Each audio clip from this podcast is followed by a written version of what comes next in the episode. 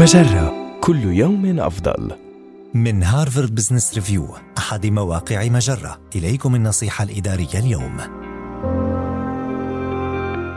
المسموح والممنوع عند كتابة الخطاب التعريفي.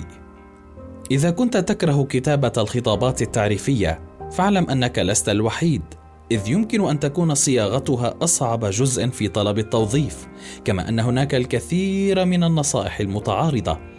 وقد يكون من الصعب معرفة من أين يجب أن تبدأ فيما يلي بعض النصائح الأساسية حول ما ينبغي لك فعله وما ينبغي لك تجنبه ما ينبغي لك فعله اجعل جملتك الافتتاحية قوية بحيث توضح سبب رغبتك في الحصول على الوظيفة وما ستقدمه إذا شغلتها.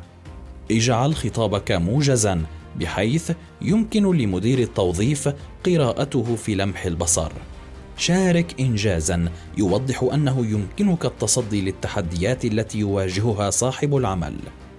ما ينبغي لك تجنبه لا تحاول أن تكون مضحكا لأن ذلك غالبا ما يأتي بنتائج عكسية إذ ينبغي أن تتجنب أي شيء قد يسبب لك الإحراج لا ترسل خطابا تعريفيا عاما بل اجعله مخصصا للوظيفة المحددة التي تتقدم بطلب لشغلها.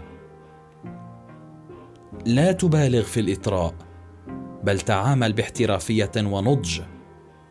هذه النصيحة من مقال كيف تكتب خطابا تعريفيا فعالا؟ النصيحة الإدارية تأتيكم من هارفارد بزنس ريفيو أحد مواقع مجرة. مصدرك الأول لأفضل محتوى عربي على الإنترنت مجرة كل يوم أفضل.